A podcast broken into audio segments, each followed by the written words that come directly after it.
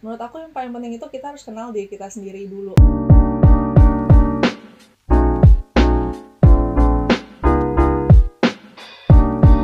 Halo teman-teman, kembali lagi di Kubis, Kupas Habis bersama saya Hana.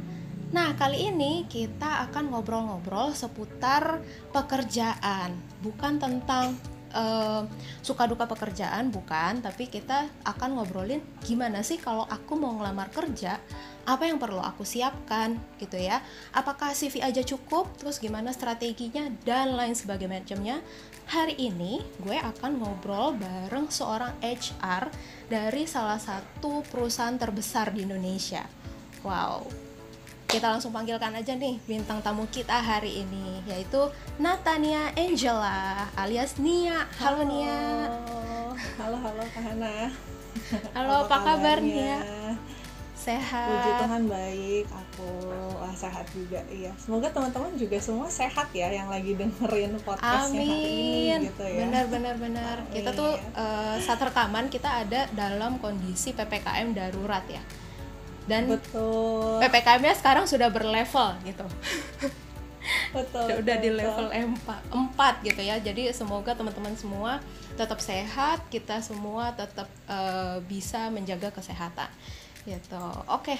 uh, Nia Nia ini seorang HR gitu ya atau uh, bahasa Indonesia-nya lebih ke HRD gitu ya atau orang zaman dulu betul. mungkin bilang personalia gitu ya betul oke okay. Nah, uh, Nia, kita tuh uh, pengen banget nih ngobrolin tentang gimana sih caranya supaya kita tuh uh, bisa diterima uh, bekerja di perusahaan yang kita mau gitu kan. Nah, hmm. sekarang ini kan uh, banyak para fresh grad gitu ya. Terus abis itu uh, masanya pun pandemi gitu.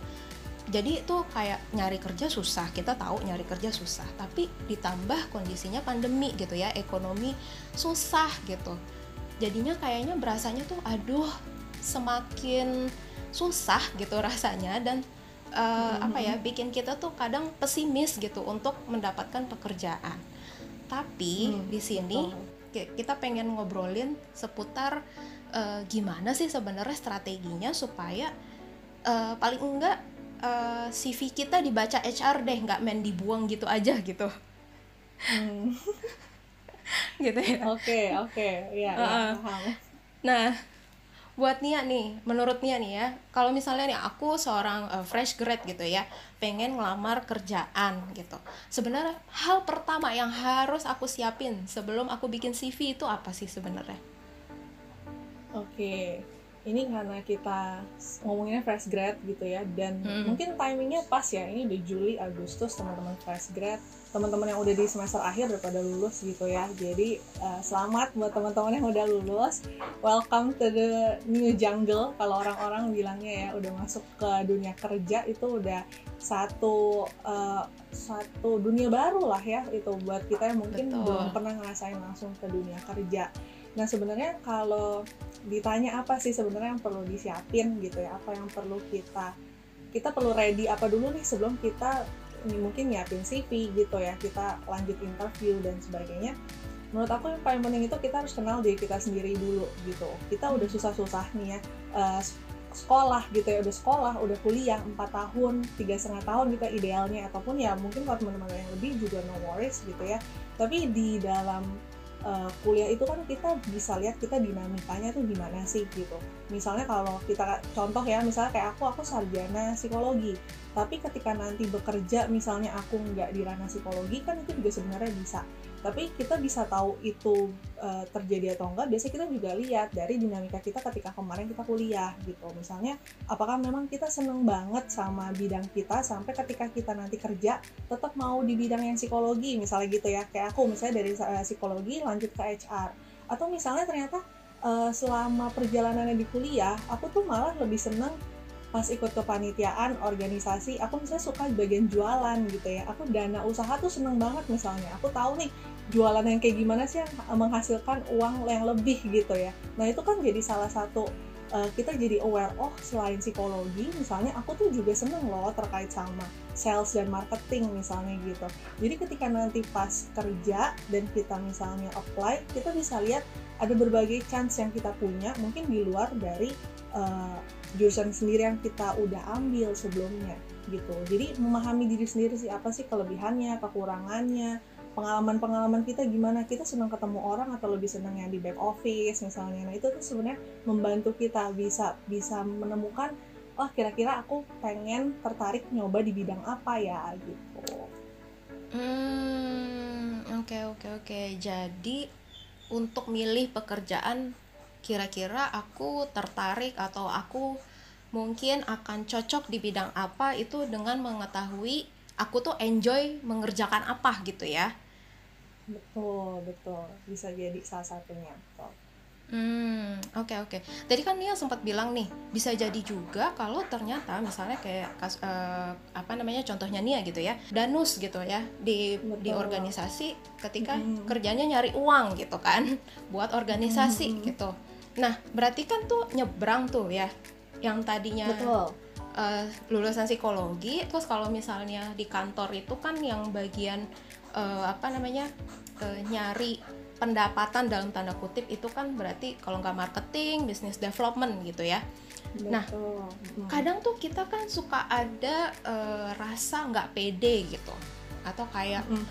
Aduh, aku tuh apa ya yang bisa aku dalam tanda kutip jual gitu ya ke perusahaan gitu ya kemampuan aku nih supaya mereka tuh bisa ngeliat bahwa aku tuh mampu loh sebenarnya kerja di sini gitu itu gimana nih caranya supaya kita punya kepercayaan diri yang cukup gitu okay. untuk kalau mm -hmm. ngomongin kepercayaan diri, PD gitu ya. PD itu kan sebenarnya kalau kita ngomong faktornya itu banyak banget ya. Eksternal, orang ngomongin kita, kita dapat insight dari orang, itu bisa mempengaruhi kepercayaan diri kita gitu ya. Tapi secara internal pun kita juga bisa kok manage gimana cara kita bisa PD. Nah mungkin kalau di konteks ini uh, aku lebih konteksin ke arah gimana kita pede secara internal gitu ya dari diri kita hmm. sendiri gitu.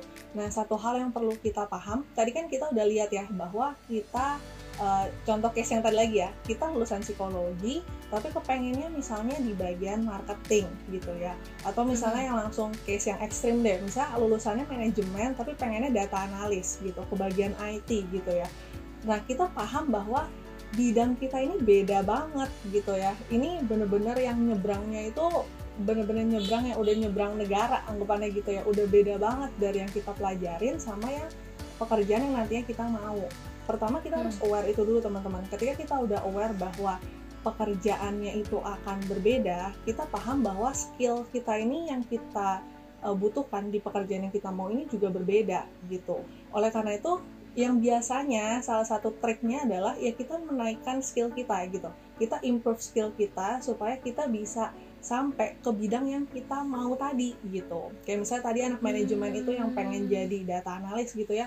Mungkin sekarang dia lagi belajar bahasa pemrograman gitu ya. Dia lagi belajar R dia lagi belajar Python gitu. Dia lagi belajar SQL gitu. Nah ketika kita udah belajar skill itu itu yang akhirnya bisa ngebus PD kita sendiri. Yang awalnya kita nggak paham gitu ya. Yang kita mungkin kalau ngelihat wah data analis apa ya gitu pelangap longo gitu ya, kita nggak ngerti tapi setelah kita paham skillnya kita tahu medannya tuh seperti apa oh data analis ini kerjanya itu dari A ke B ke C misalnya gitu ya ngomongin hmm. e, bahasa pemrograman yang dipakai apa dan sebagainya itu tuh bisa ngebus kepedean kita juga gitu dan ini tuh berlaku buat teman-teman yang memang mau cross bidang juga di bidang-bidang yang lain. Teman-teman harus lihat uh, tujuan kita itu pekerjaannya tuh cakupannya apa sih gitu ya. Atau skill yang dibutuhkan tuh apa sih sebenarnya. Nah, berusahalah kalau kita nggak punya atau belum punya gitu ya skill itu, kita usahakan supaya kita punya skill itu sehingga tingkat kepercayaan diri kita tuh meningkat gitu. Kalau kalau kita dibandingin sama teman-teman lain yang mungkin udah punya pengalaman ya kita juga tetap bisa pede gitu. Walaupun aku bukan lulusan IT misalnya, tapi aku yakin kok aku bisa jadi data analis karena aku udah paham, aku udah punya skillnya gitu. Hmm, oke okay, oke okay, oke. Okay. Jadi berarti kalau pas kita lagi nyari kerja gitu ya terus kayaknya oh kayaknya aku suka nih misalnya tadi jadi data analis gitu kan itu berarti untuk tahu oh kayaknya aku perlu skill uh, aku misalnya A B C D gitu ya yang uh, yang perlu aku tahu gitu berarti itu bisa hmm. dilihat dari job descriptionnya gitu ya Betul, betul. Kualifikasinya seperti apa? Biasa kan ada tuh kualifikasinya ya. Bisa bahasa pemrograman misalnya. Nah, itu tuh kita juga harus paham. Oh, berarti perusahaan tuh minta kualifikasinya sejauh apa sih? Nah, skill kita udah sejauh mana? Udah sama belum sama kualifikasi dari perusahaan? Gitu. Hmm, oke okay, oke. Okay. Jadi pas nyari kerja itu nggak cuman kayak ya udah gitu sibuk uh, misalnya buka LinkedIn, sibuk buka job street gitu ya, nyari kerja sana sini, tapi sebenarnya waktunya bisa diisi dengan belajar gitu ya, nambah skill baru untuk mendapatkan pekerjaan yang kita inginkan gitu ya. Mm-hmm. Betul betul. Hmm, seru seru. Eh tapi bisa nggak nih kalau misalnya dibalik, misalnya gini, aku tuh uh, fresh grad gitu ya, uh, tapi aku nggak nggak tahu gitu lah ibaratnya kayak uh, kayaknya apa ya yang aku suka gitu ya aku enjoy di bidang apa gitu kayaknya aku tuh kurang paham lah diriku gitu lah terus uh, akhirnya gitu ya mungkin caranya aku adalah ya udah aku cari kerjaan uh, kerjaan apa pun deh gitu. Aku lihat dulu job descriptionnya gitu ya. Terus aku lihat kira-kira uh, terus kayak mengukur gitu kira-kira aku bisa nggak ya gitu. Atau kayak ya udah deh apply aja semuanya gitu ya. Apply ke semua kerjaan yang kira-kira menarik buat aku gitu. Terus habis itu uh, tapi aku juga belajar nih di satu sisi kayak ngeliatin job description misalnya tadi uh, oh data analis harus bisa bahasa pemrograman ya udah deh uh, aku belajar dikit-dikit deh bahasa pemrograman jadi kalau dapat uh, kesempatan interview gitu ya atau akhirnya aku diterima di sana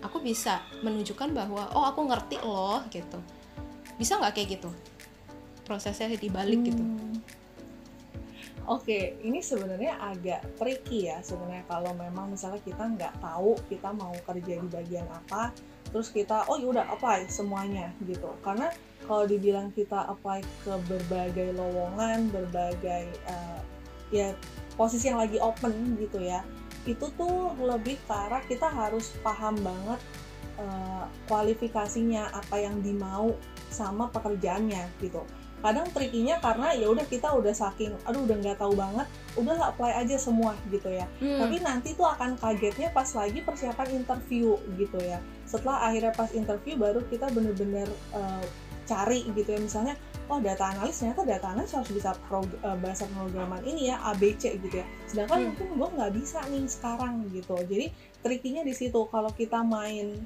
sebar semuanya tanpa kita kurasi lagi kira-kira yang cocok yang mana nanti perjalanannya ketika kita mempersiapkan diri buat ketemu HR, buat nyiapin CV, buat ketemu user, apalagi ya kalau user kan udah lebih ngomongin teknis pekerjaan ya, itu tuh biasanya hmm. akan kaget atau kagok gitu. Yang uh, ya mungkin sebagian orang bisa bilang itu gagalnya karena itu gitu mungkin persiapannya kurang dan sebagainya.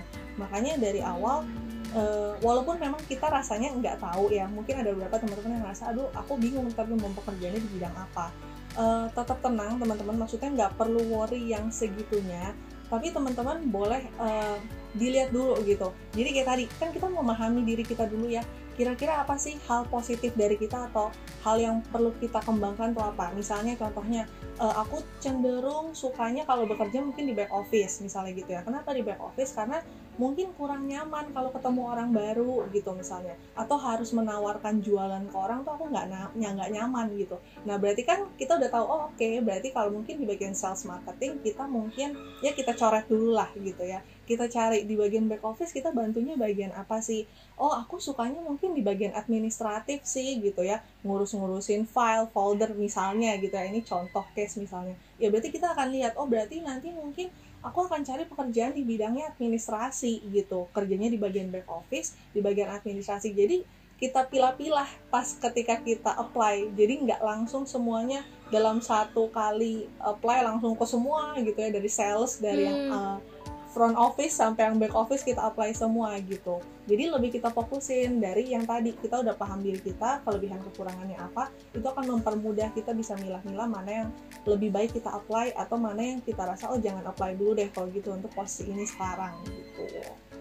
Hmm, oke okay, oke okay, oke okay, oke. Okay. Ya soalnya kan aku sering nih lihat kayak mungkin dulu ya tanpa aku sadar atau misalnya ada teman-teman aku juga yang kayak gitu. Jadi eh ada lowongan nih gitu. Cuma lihat perusahaannya mungkin eh perusahaan gede gitu. Udahlah apply aja gitu. Ya udah pokoknya hmm. sebar hmm. aja semua gitu.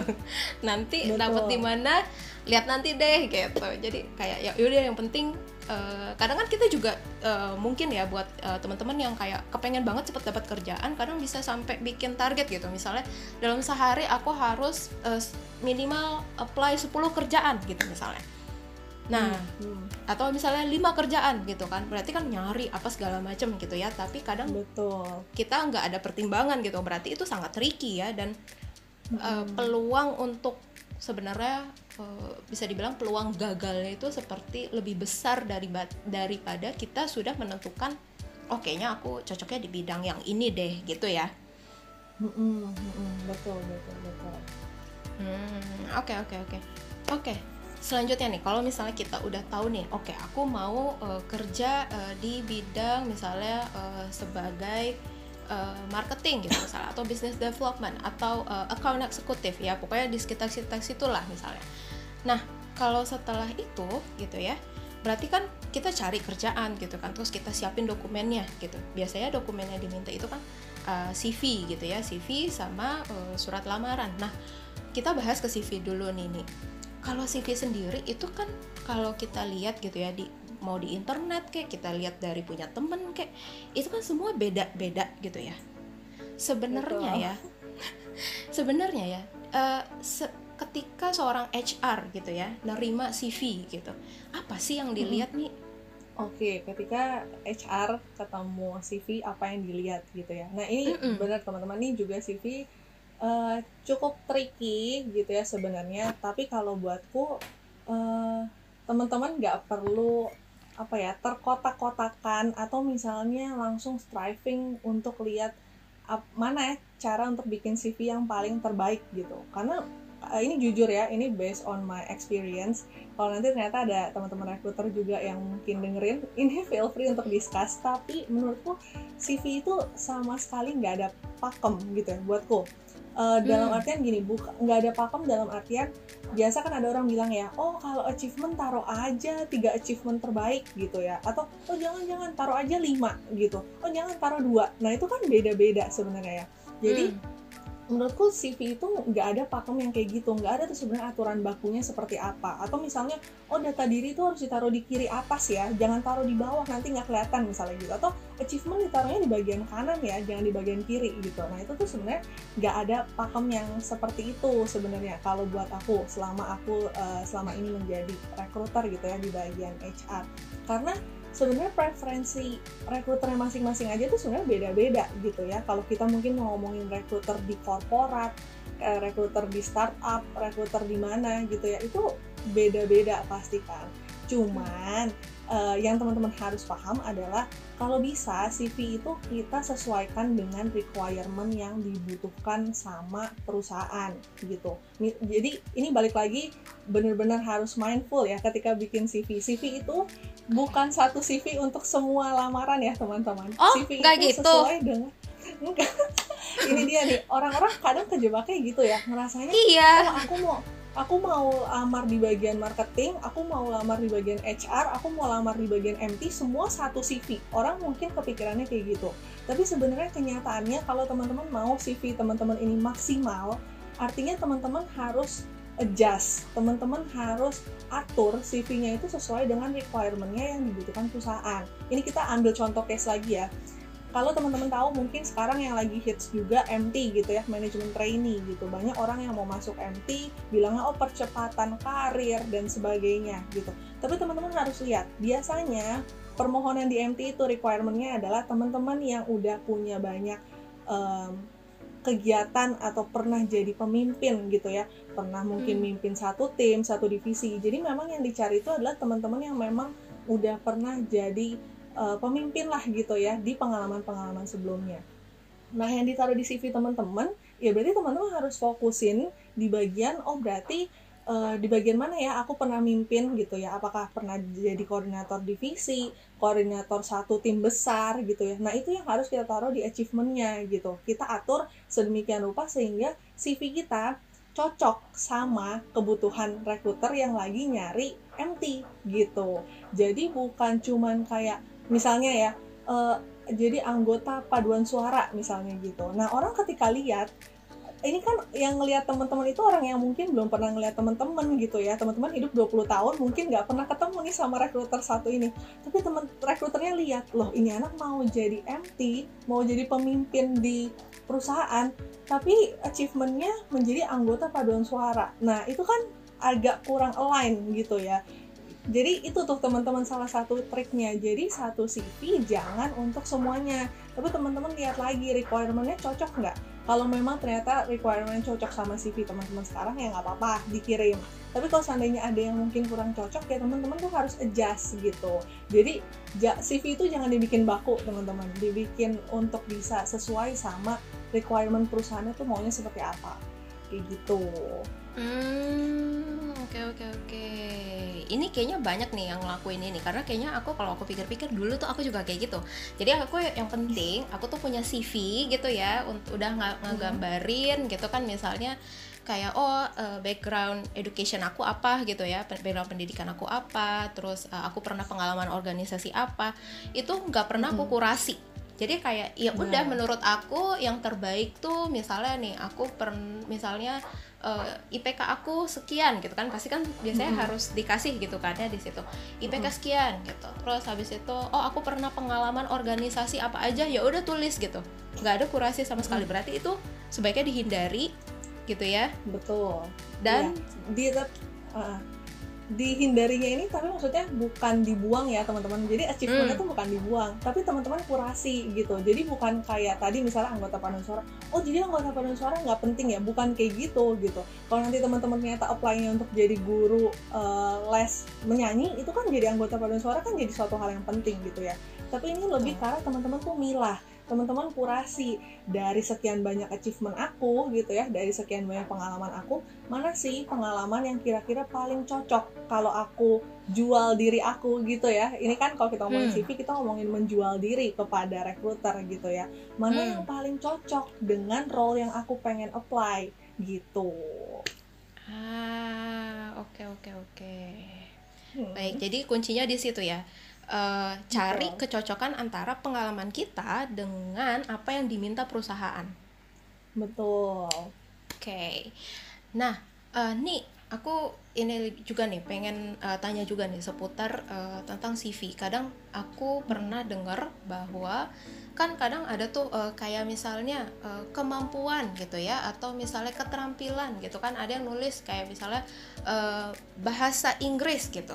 Terus ada yang pakai bintang-bintang gitu kan Betul. gitu kan kayak misalnya bintangnya lima terus aku coret iya. misalnya aku aku isi tiga gitu dua kosong iya, gitu kan misalnya betul. terus misalnya kemampuan komputer gitu kan misalnya atau uh, Microsoft Office gitu bintangnya empat gitu satu nggak nggak ke ini nah sebenarnya cara terbaik menulis uh, apa namanya kemampuan kita ya mendemonstrasikan kemampuan kita bahwa Betul. oh aku tuh fluent loh bahasa Inggrisku misalnya hmm. gitu itu lebih baik hmm. pakai hmm. yang tadi si bintang-bintang itu atau gimana nih cara menuliskannya itu supaya orang tuh nggak salah nggak salah apa ya gak salah persepsi gitu karena misalnya Mengertikan, menurutku betul. bener hmm. kayak misalnya menurutku bintang 4 itu udah keren banget bintang tiga tuh udah oke okay lah tapi ternyata misalnya buat HR nah. bintang tiga kurang ah gitu misalnya bahasa Inggris nah. masa bintang tiga misalnya gitu gimana betul, nih betul. Nah ini juga yang cukup tricky tapi banyak orang yang pakai ini. Cuman sejujurnya aku um, sekali lagi ini based on experience aku tapi tidak menganjurkan teman-teman melakukan hal itu. Tadi benar yang udah Kak Hana sempat singgung. Angka 3 di aku atau angka 4 di aku bisa aja beda dengan angka 3 atau 4 yang Kak Hana punya gitu ya. Mungkin buat orang lain 3 itu uh, di leadership misalnya 3 tuh udah bagus banget misalnya. Tapi buat aku ah 3 masa sih 3 itu bagus? gitu ya.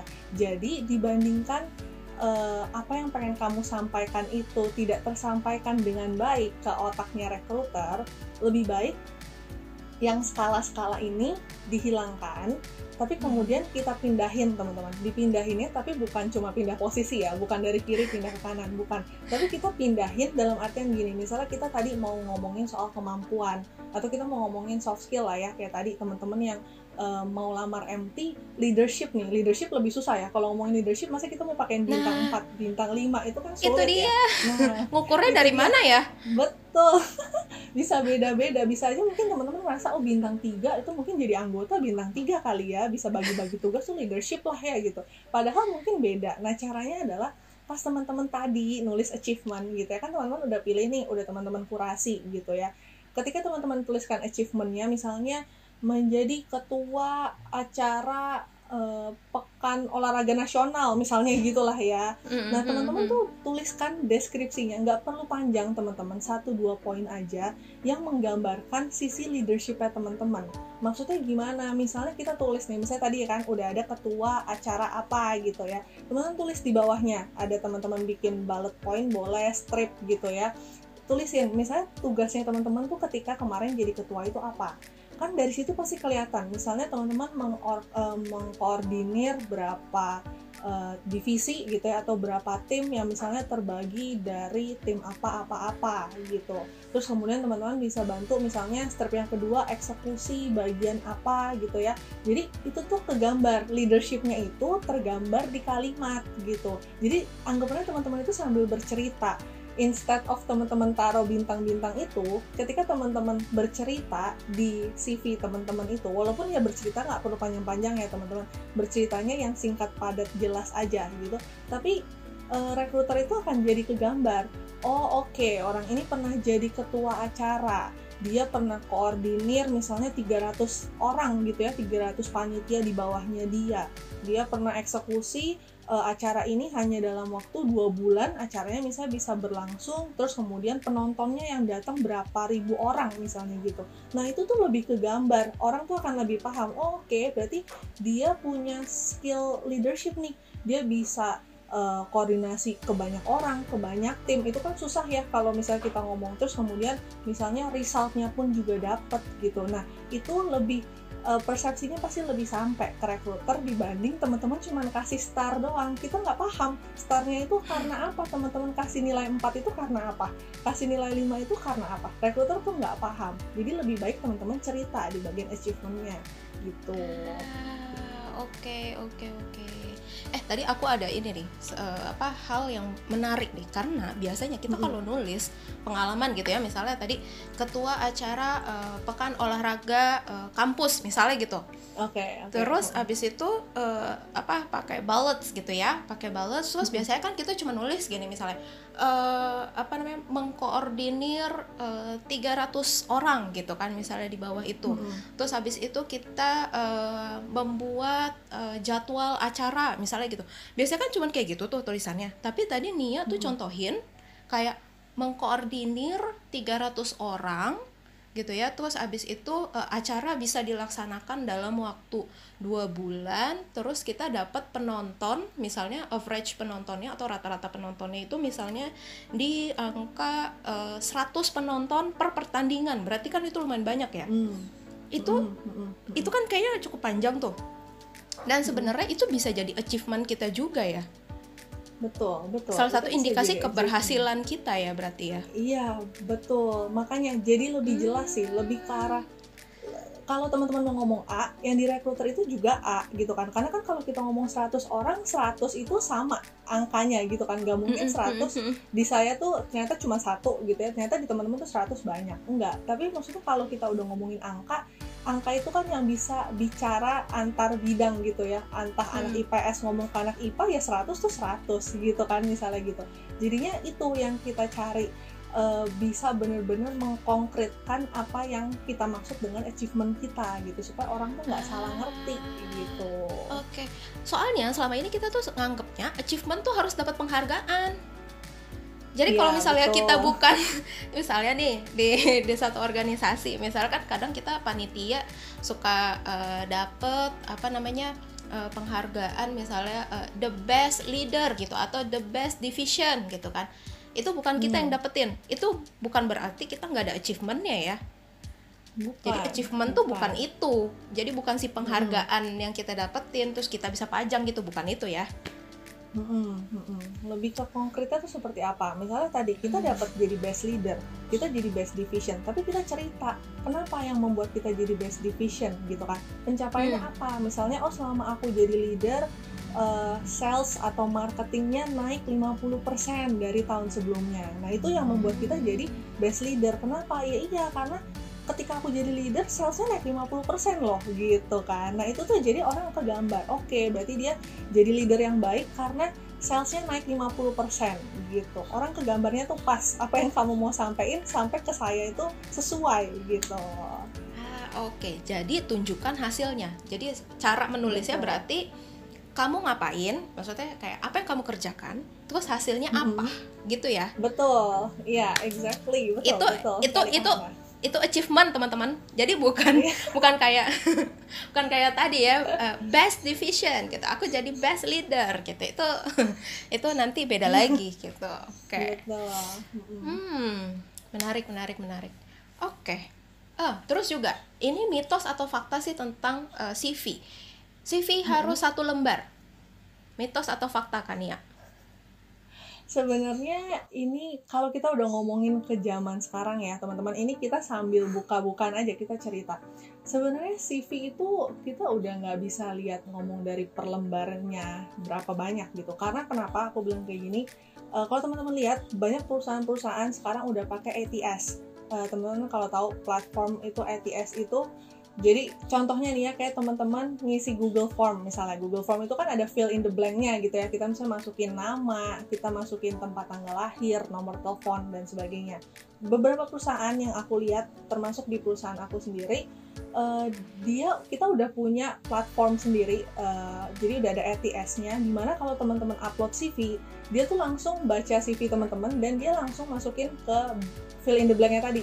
Jadi namanya udah keisi employment history-nya udah ada, tempat tanggal lahir udah ada gitu. Jadi sebenarnya uh, kalau buatku makin ke depan nanti sebenarnya berapa banyak CV itu eh, berapa banyak halaman itu sebenarnya udah akan kurang relevan sebenarnya karena itu kita tuh udah menuju ke sana semua udah serba digital jadi ketika teman-teman upload CV itu tuh udah langsung uh, anggapannya udah ada ATS-nya. Kalau teman-teman hmm. mungkin kita boleh sebut salah satu misalnya kaliber gitu ya. Kalau hmm. teman-teman pernah apply pasti ini kalau job seeker pasti lihat nih kaliber gitu ya. Nah, kaliber itu juga salah satunya gitu. Jadi teman-teman bisa upload, kemudian dia akan uh, eh, ATS-nya bekerja sehingga nanti yang tulis yang teman-teman tulis itu nanti akan anggapannya ditransformasi ke dia sehingga dia tuh akan nulis based on fill in the blank-nya. Jadi ketika nanti rekruternya lihat, mungkin kita udah nggak lihat bentuk CV teman-teman secara langsung.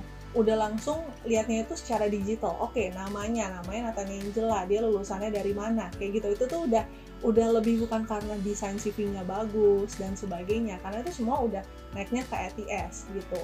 Cuman kalau memang yang teman-teman masih pakai CV, uh, eh, teman-teman harus paham juga rekruter itu um, melihat CV itu ratusan, mungkin ada yang bahkan ribuan satu hari. Hmm. Jadi teman-teman pahami bahwa eh, nggak uh, perlu semua achievement itu ditaruh. Kayak tadi ya kita udah balik lagi ke poin yang tadi. Kita cari kita kurasi sesuatu yang cocok gitu ya. Jadi mungkin satu dua halaman itu udah paling maksimal kalau untuk ngomongin CV gitu ya. Karena ya itu uh, recruiter mungkin cuma ngeliatnya sekelibat. Makanya kenapa kita butuh sesuatu yang cocok dengan role-nya supaya ketika dilihat oh, oke okay, dia bisa jadi pemimpin oke okay, dia bisa jadi pemimpin oke okay, masuk kita coba apply uh, kita coba uh, ajak dia untuk di bagian MT gitu jadi itu juga mempermudah pekerjaan recruiter kalau teman-teman udah menyesuaikan dengan kualifikasi yang diminta sebenarnya kalau udah menyesuaikan kualifikasi yang diminta itu plus untuk teman-teman dan plus untuk kami sebagai recruiter sih jadi teman-teman gampang tersaring juga kita langsung masukkan ke proses selanjutnya recruiternya juga nggak perlu susah-susah nyari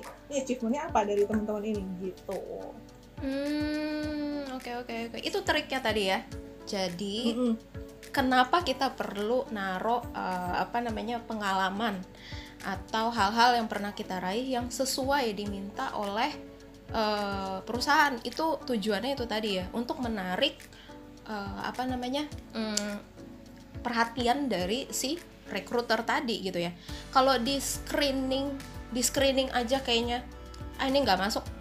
Udah langsung di itu ya ya udahlah next gitu ya. Coret gitu oke oke. Oke. Oh ya uh, biasanya gitu kan kalau tadi kan Nia contohin uh, pakai kaliber tapi kan ada juga nih uh, kita ngelamar uh, ke perusahaan-perusahaan yang uh, sifatnya masih uh, bisa dibilang uh, masih manual lah dalam artian bukannya ke kantor pos juga sih ngirim surat enggak tapi email gitu masih misalnya kan. CV ya? Iya iya kita kirim CV kirim email gitu kan. Nah aku pernah dengar bahwa kalau kayak gitu berarti penamaan CV itu sangat uh, penting hmm. karena nanti uh, bisa jadi kalau dia search kita nggak ada di kata kunci yang dia masukin ya berarti CV kita nggak kelihatan nah Betul itu gimana sekali. itu gimana biar supaya nanti pas dia nggak search ada CV kita ketemu sama dia oke okay. Nah, kita udah ngomongin soal apply pekerjaan pakai email gitu ya, teman-teman. Hmm. Sebenarnya kalau pakai email, biasanya nih ya biasanya. Kalau misalnya ada perusahaan yang minta kita untuk melakukan CV by email dia tuh udah ada permintaan uh, subjeknya mau seperti apa. Misalnya uh, subjeknya marketing gitu ya marketing ini posisinya. Jadi misalnya posisi hmm. underscore nama gitu ya. Misalnya okay. marketing underscore Natanya Angela gitu. Jadi sebisa mungkin kalau teman-teman udah dikasih pakemnya seperti itu dari rekruternya dilakukan gitu. Karena kan ada tetap yang bandel ya. Oh ya udah saya nggak usah tulis nama kali ya. Atau misalnya nggak usah tulis marketingnya kali ya langsung tulis aja Natanya Angela misalnya gitu. Nah itu uh, sebenarnya itu jadi apa ya bisa jadi bumerang balik ke teman-teman. Mungkin teman-teman ngerasanya oh ya udah saya nggak mau ikutin aturan saya ikut aturan saya sendiri. Tapi bumerangnya itu ketika misalnya si rekruternya nyari marketing underscore gitu kan itu kan semua keluar tuh nanti. Uh, nama-namanya tuh siapa aja sih yang kirim dengan judulnya marketing underscore gitu kan. Nah kalau hmm. teman-teman nggak ikutin atau misalnya tadi cuma Natania Angela doang marketing underscore-nya ini nggak ada kan berarti saya otomatis CV-nya nggak bakal kelihatan gitu kan. Betul. siapa itu Nathan Angela? Nggak ketahuan namanya. Maksudnya nggak sesuai subjeknya sama yang kita mau gitu. Jadi biasanya ketika udah diminta uh, permintaannya kualifikasinya seperti apa untuk nulis subjek email yaitu dilakukan. Teman-teman itu salah satu hal yang mungkin tricky. Orang mungkin suka lupa main asal send aja gitu ya. Tapi sebenarnya itu yang akan uh, salah satu cara yang membawa kamu untuk bisa kelihatan sama rekruter gitu. Tapi kalaupun memang nggak ada gitu ya, biasa kan mungkin ada yang cuma oh ya kirim CV email, uh, kirim CV ke email ini gitu ya. Biasanya hal yang paling pakemnya ya posisinya apa, posisinya yang kita mau uh, apply bagian apa, underscore nama kita gitu. Itu biasanya yang udah paling uh, common lah di berbagai rekruter tuh kayak gitu, kayak gitu. Hmm, Oke. Okay pun uh, dokumen CV kita jadi bukan hanya subjek tapi dokumen CV kita juga mungkin sama ya jadi hmm, betul uh, apa namanya misalnya tadi apply ke bidang marketing gitu ya terus -hmm. habis itu nama kita gitu ya misalnya marketing -hmm. uh, underscore Hana gitu ya mm -mm. Mm -mm. Mm -mm. betul ah, nah ini okay. juga penamaan CV tuh kadang ada yang uh, agak agak acak adut ya penamaannya. Jadi misalnya bukan misalnya bukan CV misalnya CV underscore Nathan Angela misalnya gitu ya kalau kita mau penamaan CV tapi ada yang misalnya CV underscore Nathan Angela underscore paling fix gitu. Jadi mungkin dia melakukan perubahan desain tapi belakangnya tuh ditambahin embel-embel. Gitu. Teman-teman harus pahami ketika teman-teman melamar pekerjaan sebisa mungkin kita lakukan secara formal gitu ya. Walaupun mungkin CV-nya kita ubah terus namanya penamaannya dan sebagainya. Tapi ketika dikirimkan sebisa mungkin itu kan mungkin hal sepele ya. Tapi kalau mungkin rekruter kalian termasuk yang uh, cukup melihat ada keganjilan dengan kok ini namanya seperti ini? gitu ya. Nggak apalagi kalau misalnya teman-teman mungkin misalnya kayak ke perbankan atau apa ya maksudnya dengan yang beda dengan misalnya startup dan sebagainya yang mungkin ketika rekruternya lihat itu suatu hal yang lebih formal nah itu bisa jadi salah satu hal yang di note nggak langsung ditolak sih teman-temannya enggak tapi itu yang di note gitu. Kenapa ya? Ini anak kok uh, ngirim CV namanya tapi agak acak adut gini gitu. Jadi mungkin itu pas interview bisa ditanya bisa jadi gitu kan. Nah jadi untuk mengurangi lah hal-hal yang di note sama rekruter Nah, teman-teman bisa tuh coba dilakukan, di, dilihat, dipastikan bahwa itu benar-benar udah oke, okay, ready untuk dikirimkan, baru dikirimin gitu. Ah, oke okay, oke. Okay. Termasuk itu ya, dokumen. Apa nama dokumennya? Hati-hati jangan ada tulisan final, versi final, iya, revisi, betul. paling iya. fix. Itu udah kayak skripsi. iya, iya, udah jadi banyak banget dokumennya biasanya. ah, oke okay, oke okay, oke. Okay. Nah, kalau misalnya kita apply kerja ya uh, via email, hmm. biasanya kan kita hmm. attach CV gitu ya betul apakah CV aja cukup atau kita perlu nulis juga surat lamaran. Atau biasanya kalau uh, kita nulis uh, apa apply kerja kan biasanya kita pakai bahasa Inggris nih. Biasanya kita tulis cover letter gitu. Itu perlu juga nggak sih? Atau CV aja? Oke. Okay. oke. Okay. sebenarnya ketika kita ngirimin email ke recruiter gitu ya kalau dibilang uh, penting atau nggak penting misalnya ada cover letter dan sebagainya ini juga kita harus lihat ini depends uh, sama kadang ada permintaannya juga nih permintaannya kadang beda-beda ya kita harus lihat hmm. ada memang perusahaan yang memang oh ya udah nggak apa-apa kirim CV aja ada perusahaan yang minta CV plus cover letter ya gitu ya nah sebenarnya kalau teman-teman harus pahamin kalau tadi kita ngomongin CV, CV itu kan alat yang menjual kita gitu ya, alat yang hmm. menjual diri kita gitu, quote unquote. Nah, si cover letter ini adalah perkenalannya gitu ya anggapannya kayak basa basinya dulu gitu kita mau di hire kan nggak mungkin kita kucuk-kucuk cuma lempar CV berharap kita dipanggil misalnya gitu hmm. ya hmm, hmm, jadi harapannya si cover letternya ini uh, adalah satu alat juga yang kita gunakan untuk bisa memperkenalkan diri kita gitu. Jadi biasanya kita akan sapa gitu kan, sapa orang yang um, mungkin yang terkait hiring manajernya atau kalau kita tahu nama orangnya kita kasih personal touch kita sebut namanya. Misalnya Ibu Hana gitu ya. Hmm. misalnya kepada yang terhormat Ibu Hana gitu. Nah itu kemudian kita akan jelaskan. Misalnya kita menemukan job postingnya di bagian mana misalnya kita ketemu di, di LinkedIn gitu ya di bagian marketing saya tertarik di bagian ini. Terus misalnya kita bisa jelasin satu dua achievement aja. Nggak perlu panjang ya maksudnya ngomongin uh, menjelaskan ini tuh kadang satu dua kalimat aja gitu. Misalnya dengan pengalaman saya sebagai sales sebelumnya di perusahaan ini gitu ya. Terus kemudian ada pengalaman lain misalnya yang kedua, oleh karena itu saya tertarik misalnya di bagian uh, untuk dapat bekerja, mencari pengalaman baru misalnya di perusahaan Bapak Ibu gitu. Jadi cover letternya ini untuk perkenalan juga, jelasin kenapa sih kita mau ngelamar gitu ya? Kita ngelihatnya di mana? Kita tertariknya karena apa gitu. Jadi singkat aja cover letter tuh nggak usah panjang kok teman-teman. Itu cuman kayak basa-basi perkenalan aja lah gitu. Kalau kayak bapak ibu ini saya mau melamar ya permisi gitu. Nah itu tuh biasanya dari cover letternya. Nanti kemudian kalau dari cover letter udah dilihat baru nanti orangnya akan lihat dari CV gitu ya rekruternya akan lihat CV-nya oke pengalamannya seperti apa dan sebagainya gitu. Ah oke oke oke. Oke gimana nih kalau misalnya kita nggak kirim cover letter tapi mm -hmm. uh, apa yang kita tulis di cover letter itu kita taruh di body email? Bisa nggak kayak mm -hmm. gitu sebenarnya nggak masalah sih. Kalau balik lagi ini personal on my experience itu nggak masalah sebenarnya uh, karena kan kalau kita tahu di body email pun ya itu kan juga satu pengantar ya. Tetap untuk hmm. memperkenalkan diri kita kok. Bahwa kita tuh mau uh, di hiring untuk di posisi ini dengan misalnya pengalaman kita secuplik gitu ya pengalaman hmm. kita apa yang sesuai sama posisinya. Dan kita oleh karena itu berharap misalnya akan dihubungi lebih lanjut gitu kan.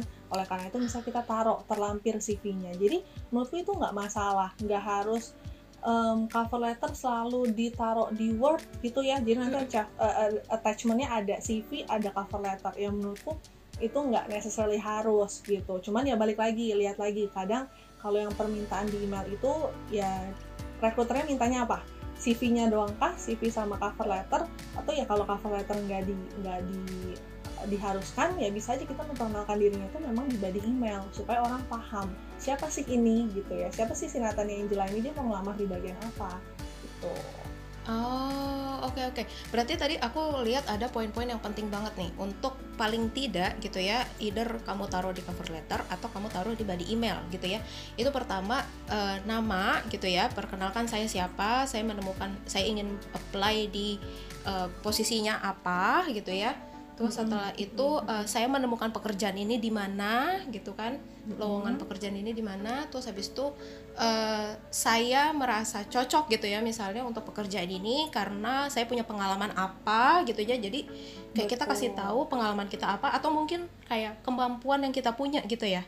Misalnya jadi guru hmm, bahasa mau jadi guru bahasa Inggris gitu. Oh karena uh, saya sudah punya TOEFL nilainya 600 gitu misalnya. Itu bisa betul. kita tulis juga ya di situ bisa hmm. bisa betul betul oke okay. setelah itu uh, apa kalau uh, kita bilang call to action gitu ya kita harapkan -hmm. di, uh, si apa HR ini ngapain hubungin kita gitu kan untuk ngobrol bisa. lebih lanjut interview baru -hmm. kita kasih di situ ya ah oke oke oke Oh ya, Nia, berarti kalau misalnya hmm. nih ya, aku bikin cover letter di uh, dokumen gitu ya, misalnya. Jadi aku attach dua dokumen nih, CV sama hmm. cover letter. Boleh nggak body emailnya kosong? Waduh, ini kalau misalnya kita ngomong body email kosong ya teman-teman, ini kita sama-sama uh, sama-sama mencoba berpikir bareng-bareng lah ya. Teman-teman dapat email, kosong cuman ada subjek kosong tiba-tiba ada attachment. Teman-teman mau buka atau enggak gitu. Sebenarnya kalau saya personally saya akan rasa ini apa? gitu. Maksudnya ini orang ngapain ngirim email? gitu ya. Ada tujuannya untuk apa? Gitu. Jadi um, lebih ke arah mungkin ya tadi karena si email itu juga jadi permisi quote unquote dari kita ke rekruternya kalau bisa tetap selalu ada body email teman-teman. Karena orang yang nggak paham ini maksudnya apa? Si Nathaniel Angela ini ngelamar mau ngapain nih? Tiba-tiba ada CV ada cover letter tapi nggak ada email emailnya juga. Maksudnya email body email itu nggak ada. Nah jadi hmm. kalau bisa body email pun juga tetap ditulis gitu. Jadi ya itu salah satu bentuk kesopanan lah ya. Kita uh, mau minta tolong ke orang untuk hiring kita nah kita bisa tulis juga gitu di body emailnya gitu. Hmm. Jadi sebisa mungkin body email tetap ditulis teman-teman supaya itu bentuk kesopanan satu, yang kedua supaya uh, apa namanya tidak membingungkan bagi orang yang menerima surat gitu ya. betul betul. Itu berarti kalau proper. Ah iya iya iya iya iya iya benar benar benar benar. Oke. Okay.